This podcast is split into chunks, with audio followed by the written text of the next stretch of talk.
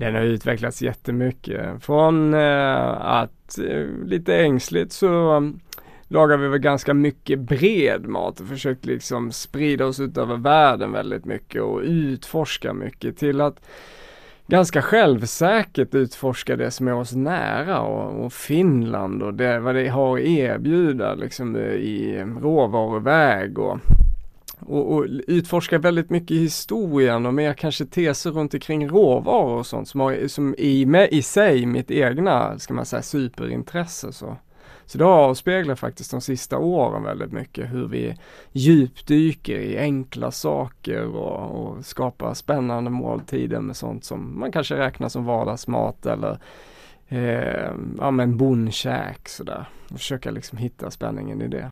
Så det är liksom mera back to basics från att lite ha varit en lyxlirare från Stureplan. Mm, ja men det är, inte, det är inte helt långt ifrån sanningen tror jag utan det är lätt så tror jag som kock också att man liksom på något sätt ska förverkliga sig själv genom det man gör istället för att på något sätt Ja men dels eh, ha tilltro till att tittarna är nyfikna precis som man själv och, och, kanske inte bryr sig så mycket om var man kommer ifrån utan mer vad man säger. Och, och det tycker jag att så har jag nog utvecklats väldigt mycket eh, genom programmet. Att gått kanske lite från ängslighet till lite mera eh, självsäker på något sätt, eh, egen intresse men även kopplat till, till tittaren tror jag. Alltså mer nyfiket, vad vill tittaren veta? Vad vill tittaren förstå bättre och sådär. Jag har lite svårt nog att se dig ängslig. Det är kanske mer den finländska folksjälen men det är ju bra att du har anammat den. Men äh, finns det någon rätt eller, eller råvara eller någonting situation som du minns liksom jättebra från de här Strömsö-tiderna? Ja, men jag minns ju mycket och oftast minns man ju de här knasiga tillfällena. Du vet, no, vi kan ta dem då. vi kan ta dem.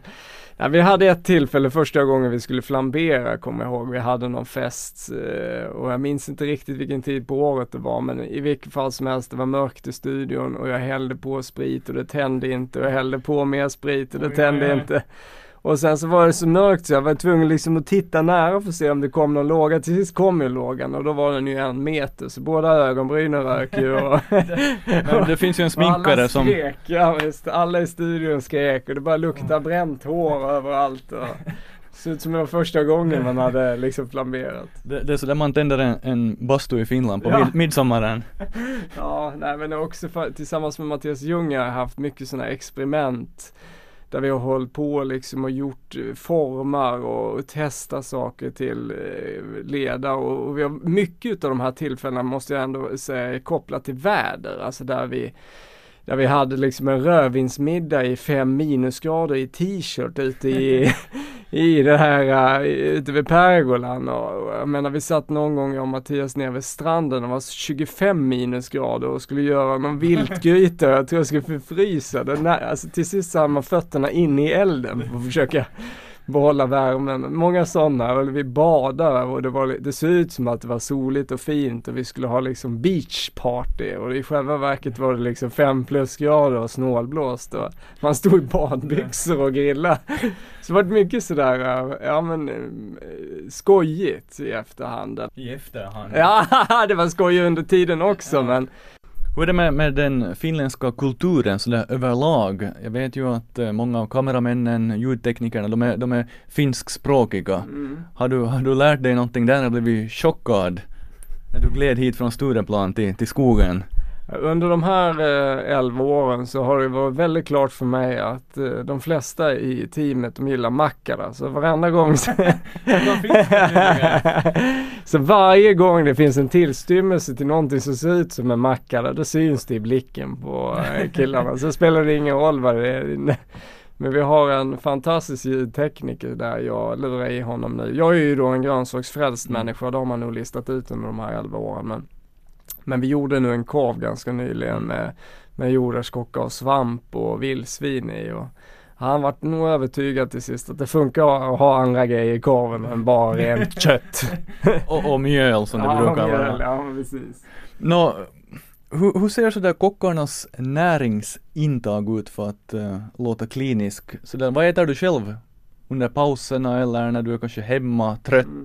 Kanske du har baksmälla någon gång. Mm. Är det, är det okej med något halvfabrikat för en, för en så pass liksom meriterad kock som du är?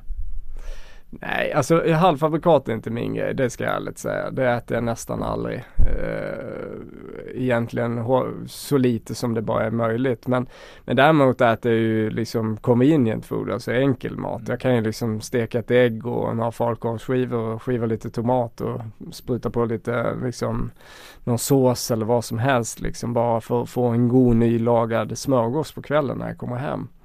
Eh, det är klart att jag går och tar en hamburgare ibland och äter en dålig pizza, det är inte det. Men, men jag kanske inte äter den här sämsta formen av liksom hel och halvfabrikat Mm. så. Eh, för jag njuter ju ändå av mat och tycker att det är en sån viktig faktor är att mat ändå är nylagat. Alltså för att jag ska liksom bli sugen så. Eh, men det är klart att alla har vi våra moments och alla har tillfällen som eh, ja, men det påverkas av även här när det är liksom sena inspelningskvällar och och ibland så blir det inte mat, man kanske bara bakar ett bröd. Och då blir det som ingenting att, att inmundiga när vi är färdiga. Då blir det liksom ut på stan och försöka hitta någonting eftersom man, ja men jag bor ju inte här. Men även hemma när jag jobbar, man jobbar sent på restaurang och man lagar mat. Man äter ju inte mat på det sättet som, som det kanske uppfattas i, utav eh, gästen. Utan när klockan är ett på natten då har man inte ätit på 6-7 timmar. Då är man ju hungrig naturligt och oftast lagar vi ju nattamat på restaurangen och äter någonting vettigt men ibland så sticker man lite tidigare och då får man stanna och ta en korv med bröd Det någonstans. kan bli en mackara. Ja det kan bli en mackara på vägen. Det, det är tyvärr så även för mig. Jag vet att du har tillrätt um, använt insekter Mm. ganska länge sedan faktiskt här på, på, på Strömsö. Receptet finns på, på nätet. Mm. Och nu har ju EU ändrat lagstiftningen Mm. ganska nyligen och, och nu klassas insekter som, som råvaror. Mm. Så, så vad tror du, har du själv något, i, kanske i, i dina restauranger, köra in på, på någon insekthamburgare? Mhm. Nej men det är fullt möjligt. Vi, jag har ju testat det ganska mycket de sista åren. Det finns ju väldigt goda insekter. Eh, och det är ju ett stort begrepp. Vi pratar ju om Mm. åtminstone 1100 ätliga som man känner till. Så att jag menar det är ju en enorm råvarufauna om man tittar på det som en råvara. Men sen är, har den ju andra eh, ändamål också eftersom att den då är ganska resursklok och, och, och föda upp om man säger. Eller odla då som det kallas för. Eh, så att det kommer ju också användas i stor utsträckning tror jag som föda till fisk och till fågel och i ett annat led som är liksom resursklokt. Men sen, jag menar vi har ju använt eh, jättegoda myror, en lövbärarmyra som har liksom lite så här hallontoner som vi smaksätter macaron som äter desserter och Eh, det finns ju eh, jättegoda eh, små larver som är fantastiska och ceviche med syra och sådär som man blandar in. Sen är ju inte kanske publiken i 100% utsträckning mogen för att få liksom det som de ser som skadeinsekter kanske i sin mat. Men eh, ganska vanligt är det att syra med myrsyra, alltså använda små, små eh, svarta myror som, som eh, istället för vinäger till exempel till en tartar. Eller. Sen ersätter ju inte myran då kanske proteinet utan det fungerar som ytterligare ett protein. Så jag tror absolut att vi kommer få se det i väldigt stor utsträckning. Men väldigt ofta kommer det att, funka som rent protein eftersom att eh, en del av de här insekterna torkade innehåller ju 60% protein. Så att i proteindrycker och proteinbars och sådana där grejer kommer vi se väldigt mycket insekter i. Det är jag helt övertygad om. Nu kommer vi här blickar framåt. Jag tvivlar på att du, Paul Svensson, kommer att pensionera dig nu ännu. Så du har säkert, eh, du är man med energi, med riv. Vad kommer du att göra nu i framtiden? Kan du avslöja? Nej men jag ska göra massa saker. Jag ska göra en ny kokbok och um, jag ska göra en ny um, tv-serie och jag ska starta en ny krog. Eh, fotografiska ska ut i utlandet till London och New York. Får se hur stor inblandning jag har i det men, men eh, det är mycket projekt liksom i, i luften och så får man se exakt vad dygnet räcker till för och jag ska försöka vara hemma med min familj mellan varven och Hur många, hur många timmar har du per dygn? Är det 25? Nej, ja, det är som alla andra men det gäller att nyttja dem bra. Man ska nyttja dem effektivt och njuta av dem framförallt. Och, och det tror jag att jag har blivit bättre på med åren. Att, att faktiskt njuta av att jag har förmånen att få göra bara roliga saker. Och Strömsholm var en av dem som har varit en sån där, en lucka i livet på något sätt där jag försvinner in i någon annan värld och, och, och får liksom pyssla med någonting tillsammans med andra människor som brinner för någonting. Och Lite sådana typer utav projekt vill man ha, men lagom mycket och kanske minska lite på mitt resande ska jag försöka mm. göra. Men du nämnde här fotografisk och uh, lyssnarna som kanske inte vet, din restaurang är där mm. på, på högsta mm. våningen i Fotografiska museet i Stockholm. Ja. Där bredvid Sverigefärjan. Men nu så kommer Fotografiska att expandera både till New York och London och du kommer då att ha restaurang där? Ja, det är inte bestämt men jag kommer ju på ett eller annat sätt vara inblandad eh, i, de, eh, i de lanseringarna kan man säga.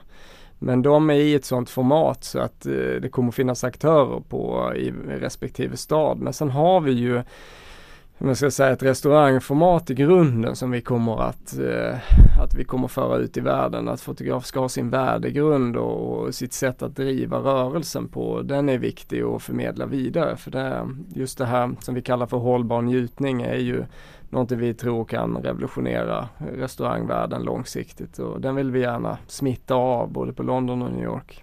Hållbar njutning, det låter, jag med, som någon, jag vet inte, låt av Cornelis Vreeswijk nästan. Vad innebär det? Nej men det handlar egentligen om att, att eh, oavsett vilket typ av eh, liksom restaurangformat som du har tänkt öppna, om det så är en sushikrog eller ett steakhouse eller en bistro eller brasserie så, så handlar det om att, att eh, konsumera och producera mat som är kompatibel med människor och miljö egentligen. Och det, det handlar ju egentligen i grunden om att utgångspunkten ska vara vegetabilier och att kött och fisk och fågel och skaldjur är ett tillbehör och att hitta en proportion som, som överensstämmer med ekosystem och, och, och vad vår jordglob klarar av helt enkelt i belastning.